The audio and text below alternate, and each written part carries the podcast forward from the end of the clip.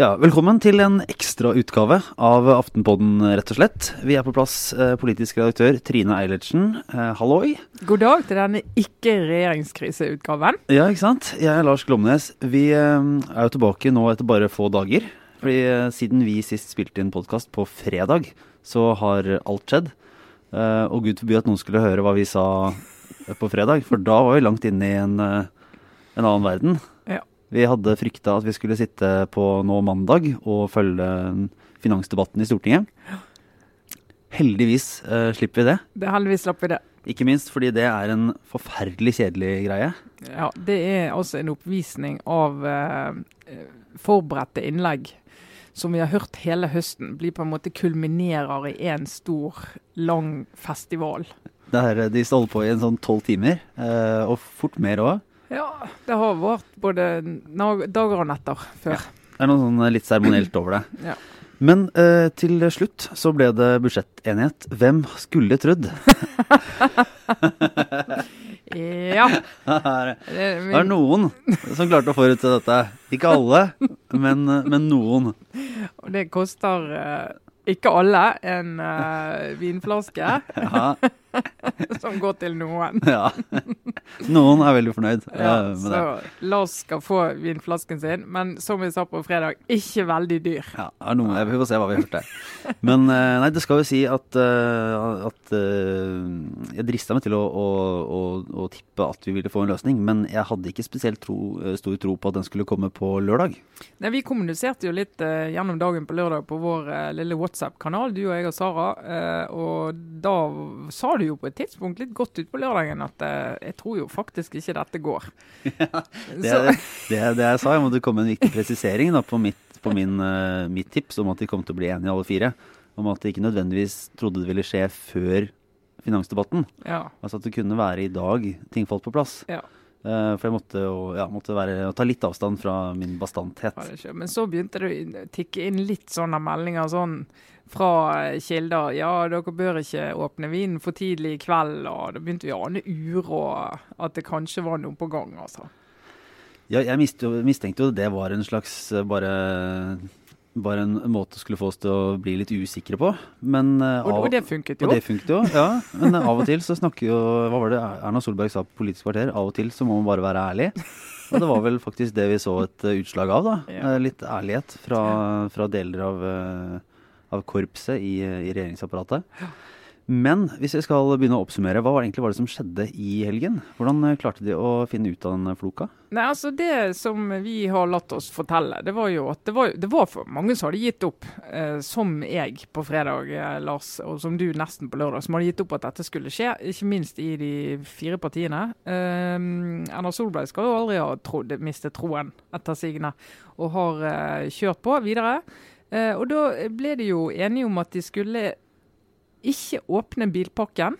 For hadde de gjort det, så hadde Frp gått ut av regjering, som Per Sandberg bekreftet i et intervju med oss i går. Eh, men de løste det med å gå litt inn i bil likevel, men på utsiden av pakken. Den utrolig klare grenseoppgangen mellom det som er innenfor bilpakken, som var helt uh, urørlig og, og ville være en forferdelig synd å, å dytte på i det hele tatt, og det som ligger marginalt utenfor bilpakken, der det var litt mer handlingsrom. Og det var jo Knut Arild Hareide målbar det er jo veldig eh, tydelig forrige uke at det han var opptatt av, var at vi ikke skulle belønne fossilbilistene eh, så mye som, eh, som de gjorde i denne bilpakken. Og en av de tingene de er blitt enige om, er jo at den engangsavgiften for klima- og miljøvennlige biler er lavere, mens han altså er de fossilbilistene ikke, ikke opplever det. Som du vanligvis skulle trodd at Frp var, var opptatt av. Men var det sånn at dette jeg mener at det, her er ikke, det er ikke tegna opp noe fullstendig kart over akkurat hvordan dette foregikk, men dette var vel deler av, av forslaget som lå på eh, til vurdering hos sentrumspartiene fra før helgen? skal ha vært det. Og så er det jo denne her biodieseldiskusjonen de har hatt. da, Innblandingskravet for biodiesel. Som jo også, hvis bilpakken hadde vært litt større, så hadde kanskje det er også vært et tema inni, inni der. Så du skal tenke deg en utvidet bilpakke, så innblandingskrav for biodiesel, som de nå har egentlig helt ellevilt gått inn for at de innenfor eh, 2020 skal ha 20 eh, andel biodieselomsetning på bensinstasjonene. Eh, I dag er det sånn rundt fem. Og svær diskusjon om hvordan de skal komme dit. og sånn kan vi kanskje komme tilbake til. Men det er mm. også, hvis du regner på antall tonn kutt i utslipp, så har det vært en sånn nøkkel for å liksom kunne med en viss troverdighet si at dette er på vei i riktig retning. Da. Og det koster mye. Uh, og det koster også bilistene mye, fordi at drivstoffet blir dyrere gjennom, gjennom det. Ja. Nå har vi jo sett de to foregående budsjettrundene, så har det jo kommet med noen sånne ja, de har trukket noe ut av hatten da, i siste øyeblikk, som stort sett har vært en eller annen slags form for grønn avgift. Noe som skal, skal vri forbruket i, eh, i grønnere retning. Første... Grønn med sånn gåsetegn ja. må vi lage på luften. Ja. ja. Uh, og da, Det begynte med denne plastposeavgiften, som inn, skulle hente inn en milliard. Uh, det var vel da i 2015-budsjettet? Jo, det var det. Og så var det jo denne flyseteavgiften. Ja. Uh, som, uh, som riktignok uh, gjennomføres. Men, men begge er, har vært omstridte og omkamputsatte avgifter. Plastposeavgiften droppa man bare. Og veldig omstridt klimaeffekten av de også. Er det man har kommet fram til nå er det ting som tyder på at man nå har truffet bedre, både måte, politisk håndverksmessig og klimamessig? Altså, De har i hvert fall ingen sånne inndekninger i det som er sånn virker helt sånn laget på hobbyrommet i fremtiden om morgenen fordi vi må komme i mål type mm. avgift. Det har de på en måte greid å styre unna. Så det, det er i hvert fall en mye sånn større klimapakke med tiltak som vi vet, eller i hvert fall mener å vite fungerer og får utslippene ned. Om ikke så mye i 2017 som mange håpet, så i hvert fall på noe sikt. Eh, sånn at de kan på en måte si at det er et mer altså eh, større klimaeffekt i, i, i budsjettet. da. Men det, men det, er klart at uh, inndekningen på disse tiltakene er, altså, De har flyttet på 6-7 milliarder kroner. Mer enn det tror jeg knapt. 7,3? Det, det, det er forskjellige måter å regne disse tingene på. da. Ja, det er mange måter å regne på. Det vil si at de har flyttet på litt. og hvis, Du nevnte jo her for noen uker siden Lars, at uh, alle partiene regner jo sånn på sin helt egen måte. Noen regner tallet to ganger. Og, men ja. vi sier noe sånn 6-7 ish. Syv-ish ja. milliarder. Det er veldig mye i budsjettenighetssammenheng. Eh, vi snakker ofte om et sånn par-tre milliarder hvis du har sånn normale budsjetter, men det, dette var jo ikke det. Um, så de har flyttet flyttet mye penger, og de har hatt dårlig tid. Eh, sånn at de har vært litt sånn på slutten, så er det OK, vi tar, uh, øker dette her effektiviseringsprosjektet i offentlig sektor. De skal bruke ikke bare en halv prosent mindre i budsjett, men 0,8. Uh, vi henter inn mer utbytte for statlige selskaper.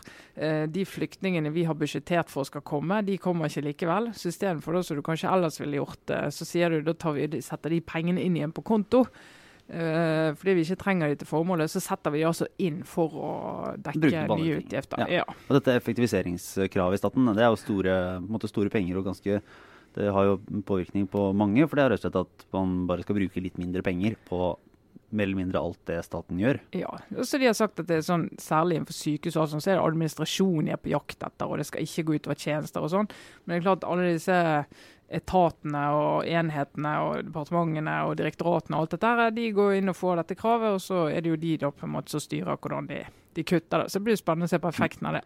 Men det er jo spennende å se på de rundene med tidligere avgifter. altså denne plastposeavgiften og så, så den flyseteavgiften. Eh, det man nå får med innblandingskravet av biodiesel, eh, det kan jo faktisk være betydelig mye større pengesummer enn man har sett tidligere. Ja. Eh, Bergens Tidende hadde en god sak på søndag om, um, som baserer seg på en del på en måte, anslag som er, er uh, rimelig å ta utgangspunkt i i dag. Men, men da snakker vi om at denne biodieselen er jo dyrere enn annen diesel og vil få opp prisen med totalt sett, uh, inkludert alle disse tiltakene, omtrent en krone literen. Mm. Og vil koste da bilistene 3,3 milliarder i året. fordi dette det hadde man ikke sett for seg med. Fremskrittspartiet i regjering. Ja, nei, det, det, er interessant. For hvilke bilavgifter er vi opptatt av nå, og hvilke bilavgifter er vi opptatt av om, om tre år og fire år? Uh, og det var jo uh, altså Frp har jo vært utrolig opptatt av disse drivstoffavgiftene. så jeg snakket med noen sa om fire år siden, så blir jo Frp blir jo elbilbilistenes parti. Da skal de kjempe mot utgifter på alle de miljøvennlige bilene som de nå har på en måte skubbet folk til å kjøpe fordi det er blitt så mye dyrere å ha fossilbil.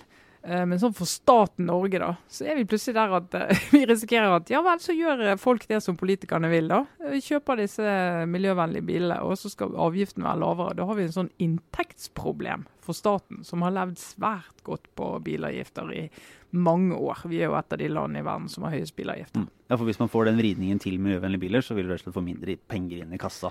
Men Det er litt sånn som bompenger. sant? Ja. Du øker bompengene fordi folk ikke skal kjøre gjennom de og heller ta bussen. Og så får du mindre inntekter til å bygge vei, som jo var hensikten med bompengene. Så det er en sånn, en sånn dilemma for sånn statsøkonomien. Og, Mm. og vårt kjære finansdepartement sitter sikkert og grubler litt på dette. Ja, for da kan man se for seg at uh, etter hvert så vil man kunne få en allianse rett og slett mellom Fremskrittspartiet og de såkalte miljøpartiene mm. om, uh, om fortsatt uh, avgiftsfritak for mer miljøvennlige biler. Ja, jeg tror den kampen for bilavgiftene den er jo ikke over med at folk begynner å kjøre miljøvennlig. På, på ingen måte. Men, men sånn klima, klimafaglig, hvis vi sier det at det er innenfor transport i Norge, der må det skje noe, det må skje raskt, så har de jo gjort en del nå som skubber folk i den retningen. Og selv om Frp insisterer på at de skal bare bruke gulrot og ikke pisk overfor bilistene, så er det jo ikke tvil om at eh, Frp er med på å piske bilistene over i mer miljøvennlig retning. For de som har fulgt denne podkasten veldig lenge, så var det jo et tema her for, eh, for et år siden. At eh, jeg sitter jo på en sånn juksebil fra Audi. Ikke bare er det en juksebil, altså en dieseldrevet uh, en bybil som det nå kan, kan spørre seg hva som er om, om, det er verdt å ha den noe særlig lenger. Og Det er vel akkurat det, man, det, er vel det som er formålet? da? Det er det man skal. Jeg har jo også en uh, solid bensinbil, uh, og vi vurderer å bytte bil. Og nå er det sånn ja, skal vi bytte i år, skal vi vente til neste år? Altså, det er mange av oss som kommer til å sitte og regne på dette. Og så er det jo kom andrehåndsmarkedet er det for tullebiler vi har. Ja, jeg bare sier, altså, det er ikke alle FrPs velgere som er like fornøyde. Nei. Men uh, for det, liksom, veien videre, Fremskrittspartiet, de har jo jeg, når, Hver gang det blir snakk om, om bensinpriser og avgifter, så, så, tenker jeg tilbake til uh, Vi har en liggende noen sånne gamle brosjyrer fra, fra Carl I. Hagen og Siv Jensen som står måte, fram og sier noe sånt som at Hva er det der, da? Makspris på bensin. Og bensinen skal ikke koste mer enn en, syv kroner. Syv kroner. Um, er det på en måte politisk Kan de slippe unna politisk med de innrømmelsene de har gitt på det området her framover? Altså det, det, jeg tror dette her Frp og bensinpriskeise fra i år kommer til å bli studert av sånne her, eh, altså politikkforskere, om det er noe som heter det, eh, fremover. Fordi at altså Frp har jo klart å si i tre år når de har laget budsjett at det blir ikke noe økning i bensinprisen. Det blir null. Altså det blir null kroner, null øre økning. Jeg har sagt tre budsjetter, og så i dette budsjettet så går de opp ganske drastisk. Og så blir situasjonen sånn pga. dette ultimatumet at de fremstår som om de taler bilistenes sak gjennom denne avgiften. Fordi at han blir en del av et ultimatum overfor Venstre og KrF som gjør at Venstre og KrF blir så forbanna at de sier dette Vi- finner vi oss faktisk ikke i. Vi går ikke lenger enn dette. Og så viser det seg at ja, du har gått kjempelangt. Ja, det går kjempelangt. Og så er jeg glad for Frp, og flere i Frp hadde forberedt seg på at de skulle få mye mer tyn for det med de avgiftene. Men det har jo forsvunnet helt i at de andre er så sur på dem for at de ikke går enda lenger og kompenserer for godt. Eh, og det er jo klart for Frp, den reisen, om du skal bruke et slitt uttrykk, de har gjort på avgifter og bensin, den er ganske lang. Og så er det jo helt fascinerende å se Siv Jensen stå på lørdag under pressekonferansen. Uh, hun er sånn, Hvis noen prøver å ymte om de ikke likevel åpnet litt i bilpakken, hvis du ser litt sånn prinsipielt på det Talk to the hand. Nei da. Ingen pakke som åpnet. Jeg skjønner, snakk, jeg skjønner ikke hva du sier. Jeg, vil ikke, ikke være borte, det. Jeg har Men ikke det, skal jo sies at de pre pressekonferansene som kommer etter, eller ved fremleggelsen av en sånn budsjettenighet, er jo uh, noe av det mest uh, altså for, for oss som jobber med det, noe av det mest frustrerende som er. For det er jo alle snakker jo både forbi hverandre og forbi alt det vi har sagt tidligere. Det er helt sånn eh, bare talepunkter og beskriver jo en virkelighet som de eh, som de selv har altså det, det bærer ingen likhetstrekk med det de har sagt eh, de foregående fire ukene. Og Denne gangen fikk de det altså. Det startet Dagsrevyen startet lørdag kveld, og det tok de var sikkert en halvtime live i Dagsrevyen med disse her uh, talepunktene sine. Så sånn PR-messig så tror jeg det, det fins nok ikke en budsjettenighet som har vært dekket like heftig som denne noen gang. Mm. Det var jo for øvrig var, var interessant at det var uh, Fedrelandsvennen, våre venner der, som, uh, som på en måte var først ut med å melde at de gikk mot en enighet. Ja. Det, det er det mange i eh, hovedstadspressen som, Som ikke litt- hadde sett for seg. Og litt fornærmet, og så bare sier nei, de har noen gode kilder i KrF. Antageligvis. ja. Men eh, hva med Erna Solberg? Altså, nå har det jo det har vært eh, krangling og splid i en eh, er det, seks uker? Ja, det har vært, det har vært en god del. det, ja. Gått helt, gått helt i surr på, Ja, på tid. etter. Vi har på i to måneder så lenge, så lenge jeg klarer å huske, Ja. uh, har det vært, uh, vært krangel og splid. Og etter hvert så har det vært et problem for Erna Solberg at uh, ting har sett ut til å, til å rives i filler. Ja. Nå ble det nå en enighet til slutt, som man kunne forvente. Nå, men uh, Som noen, som noen har som vært trygge på hele veien. trygg på, ja. Ja. Uh, men hva, hva får det å si for henne? Er det Det har jo gitt Det tegner jo ikke et bilde av en veldig, veldig nær og sammensveisa gjeng nå som står klare til å, til å gå løs på neste valgkamp. Altså, det, er jo, det er jo flere nivåer. Det ene er jo det, si det kommunikasjonsnivået, spinn-nivået, der du hører Erna Solberg og alle snakker allerede i gang med å si at forskjellen på oss og en flertallsregjering er at vi har diskusjon i åpent lende. Vi har det i gruppemøter på Stortinget. Vi har det ikke liksom i et underutvalg med tre stykker innenfor en regjering, og så bare pipler noe ut av og til, og kanskje i en biografi etter noen år kommer uenigheten frem. ikke sant? Så det er forskjellen, og dette må vi leve med. og Det har alltid vært sånn, og det er bare sunt med demokratisk diskusjon, og at alt kommer på ut og åpent diskutert og sånn. Og det, det er greit. Og det tror jeg Erna Solberg kommer til å kjøre på veldig hardt gjennom valgkampen. Men så er det jo det neste nivået som handler om realitetene i samarbeidet. Uh, og denne helgen her, hvis det er noen meldinger vi har fått, eh, så er det jo at uh, forholdet mellom de fire samarbeidspartiene, det er jo svekket. Ikke bare mellom KrF og Venstre, men også mellom Nei, med K Venstre og Fremskrittspartiet, men mellom Venstre og KrF.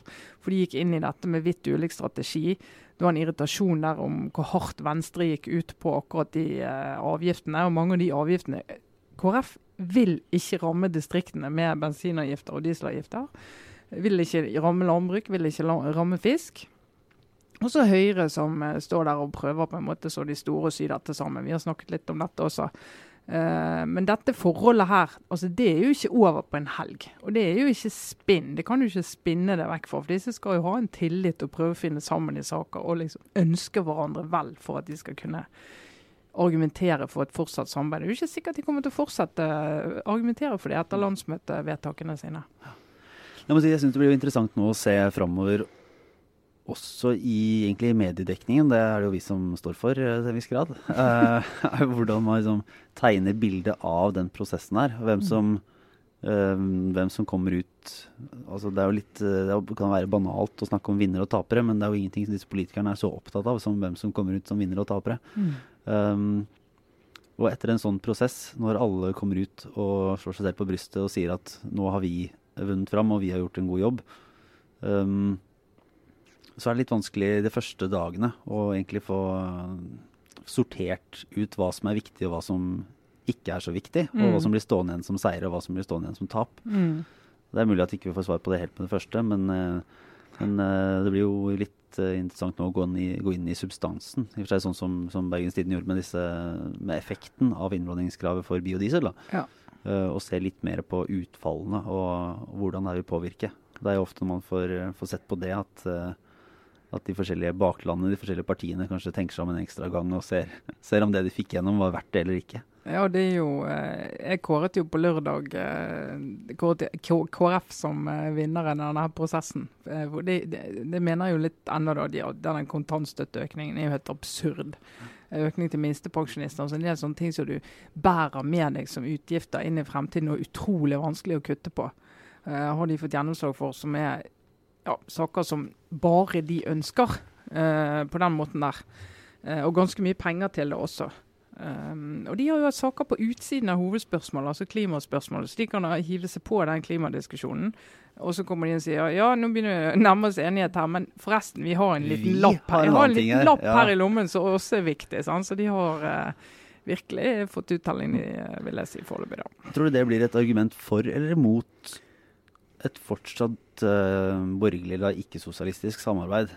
Noen vil jo si at uh, ja, se på den forferdelige prosessen her, det er jo bare krangleri og vi kan ikke samarbeide med disse folka. Vi må se over uh, til andre siden og se til Arbeiderpartiet. Ja. Et annet argument er å si ja, ok, vi går gjennom, vi står på, krangler som bare det, kjemper for vår sak, og så kommer vi ut um, og kan peke på x antall positive konsekvenser.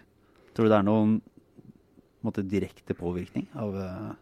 Altså, I KrF har det jo begge fløyer, men så lenge Knut Arild Hareide er leder der, da, så tror jeg han er veldig, han er veldig, har vært veldig tydelig hele veien om at han stoler veldig på Erna Solberg. Trekker det frem.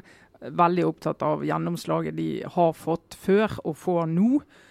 Og kommer til tror jeg, til å bruke det til å argumentere for at jo, det var veldig tøft, og jeg skulle ønske det ikke var fullt så tøft. og Det er ultimatumet håper de angrer på, men ellers så er dette sted for oss å være. da.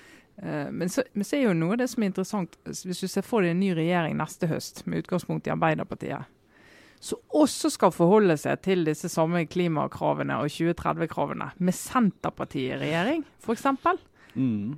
Ingen må tro at det blir veldig mye lettere. Ingen må tro at det blir diskusjoner med lavere lyd enn det vi har hatt nå. Eller at Senterpartiet kommer til å være noe mer, eh, mindre dyktige og på, påståelige i eh, forhandlinger. Over hele hodet ikke. og det, Der finnes jo ultimatum der òg. så det er, jeg tror, så lenge vi har mindretallsregjering i Norge, og vi har eh, disse her problemene som går på tvers av høyre-venstre-aksen, som klima og immigrasjon. Typisk to sånne saker. Eh, og Arbeiderpartiet og Høyre leder en mindretallsregjering, så vil det være utrolig mye støy rundt de sakene. Mm. Så det får vi liksom bare venne oss til, tror jeg. Men tror du Eller det, lurer jeg, det jeg lurer på, er jo også om, om, eh, om velgerne på en måte blir uh, så misfornøyd eller mister liksom troen på politikken når de ser denne, først denne kranglinga i mange uker, og så står man sammen og tilsynelatende er kjempegode venner. Altså det er noe med mm. det der liksom, spillet og liksom, teatret i hele den prosessen. Mm. Um, jeg lurer på om det, faktisk, om det gjør at folk blir, ja, ser på det som mer kaotisk og, og uærlig. Eller om ja, det ikke har noen ting å si når valgkampen kommer. At det igjen går tilbake på, på substansen. Det er jo ingen tvil at nå det har vært en sånn trøtthet på hele denne mm. budsjettprosessen. Ja, det har det. Ikke minst blant oss. Nei, ja, ikke minst blant oss.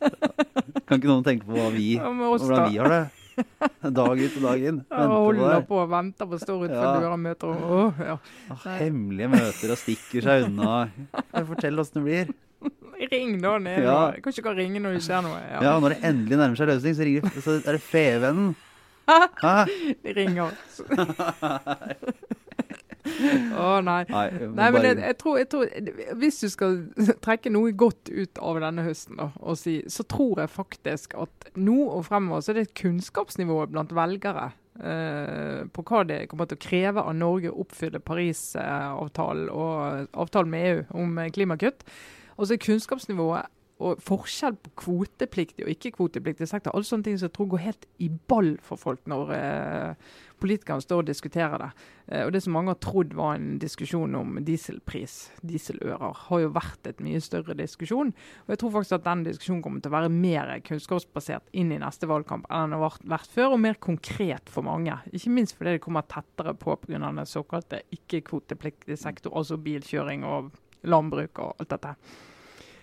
Men når det står på så tror, for, eh, for, velgerne, liksom prosessen underveis, hvis ikke du virkelig henger med hele dagen Jeg har i hvert fall ekstremt oppegående folk i min omgangskrets som har falt av for lenge siden. De har fått med seg at det er enighet nå, og de lurer på hvorfor det er så mye støy, og om det ikke virkelig har skjedd noe annet i Norge på den tiden. Så sånn sett er det jo destruktivt for liksom tilliten til systemet, da, mm. og hva de får til. Nei, men uh, da vi får vel Dette er en litt sånn eh, hurtigutgave. Ja. Uh, Sara Sørheim, som vanligvis er med, går vel og triller rundt et eller annet Triller, sted. vet du. Rett i øreversjonen av ja. Aftenpodden. Ja. Uh, men tar, hvis ikke du har, har du noen obligatorisk refleksjon som du bare har tatt med deg ut fra helgen? Noe du mener man burde Tenk på? Tenkte på mer julemusikk? Nei. Ja, ja kanskje ikke. I og for seg gode menn. Et, det er vel et, et, par gode, men ubekreftede rykter. Ja, fortell. Det er ikke så veldig spennende, men det var jo et, et tegn på at ting kanskje ikke var helt, helt på vei mot uh, katastrofen. Jeg bare snakket med litt folk i uh, ulike departementer uh, inn i helgen, og da vet jeg at det var i hvert fall det var et julebord i Næringsdepartementet på torsdag. og der var Per Sandberg til stede. Uh, og, og, hjertelig til stede, rett og slett. Til stede, Ja, ja. Ingen. Bare helt uh, en som hyggelig vertskap. Men til, til utpå kvelden. Det var ikke sånn at han måtte stikke unna og, og, delta i møter. Og på fredag så var det et julebord i Kommunaldepartementet, og da var Jan Tore Sanner med. Ja. På, på, samme måte. Så de har i hvert fall det har ikke vært så hardkjør i ledelsen i de borgerlige regjeringspartiene de de siste kveldene. At ikke de kunne være med litt med, med byråkratiet. på- Bare på i motsetning til oss, er det bare. Ja. Det er som som er hengt utafor et eller annet kontor. Uh, nei, men eh, da vi, vi kommer vel kanskje regner med å komme tilbake med en uh, normal utgave, kanskje? Satser på det. Ja. Ja. Vi får se om, om folk roper. roper. Og så eh, får vi igjen benytte anledningen til å anbefale å følge oss på Facebook. eh, på eh, rett og slett vår egen Aftenpodden Facebook-side. Og så eh, går det an, for de som ikke er eh, trofaste abonnenter på selveste avisen, eh, digitalt eller papir, å gå til aftenposten.no slash podden og abonnere eh, som, rett og slett som Aftenpodden-lytter. Mm. Og det setter vi jo selvfølgelig pris på. Ja. Og så får de ellers eh, Var det noe annet? Ja, for, Vi kan jo minne om eh, neste tirsdag, da. Ja, Da sånn er det. Da er det Aftenpodden live sammen med Gjevar Joffen på Kulturhuset her i Oslo klokken 18. Jeg tror det står fra 18 til 21 på invitasjonen. Jeg lover det ikke skal vare i tre timer. Ja, det, det kommer ikke til å være Det kommer til å være litt eh, Folk kan henge i baren og prate med interessante mennesker og ha det hyggelig. Ja. Eh, Så hadde jo, det vært enda mer spennende hvis det hadde vært et, eh, et regjeringsskifte på trappene, men jeg tror det skal være nok å snakke om fra inn- og utland Ja. uh, uansett, rett og slett. Så da takker vi oss for denne gang i den lille budsjettenighetsspesialen. Ja. Der uh, det går videre her i Norge. De finner sammen. Og så får du fikse den vinflaska til neste gang, Trine. Jeg skal, det. skal ta bilder av den og legge den ut på Facebook-siden. Jeg tar de små seirene jeg kan få. Takk for nå. Og Trine Eilertsen og jeg, Lars Klovnes. Ha det bra.